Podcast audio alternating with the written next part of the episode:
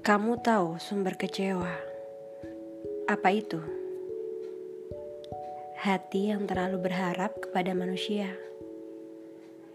Kadang seseorang hadir, kemudian pergi. Jangan sesali itu. Dia adalah kenangan, juga pelajaran. Perpisahan, penolakan, keduanya mengajarkan manusia akan pergi meninggalkan, tapi Allah tidak. Allah akan selalu bersamamu. Ada yang harus kamu pertahankan. Hubunganmu dengan Allah. Ada yang harus kamu lepaskan.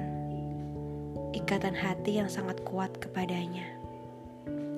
Relakan dia yang tidak ingin menikah denganmu. Lepaskan diri yang tak ingin bertahun. Jangan sesali hati yang ingin pergi.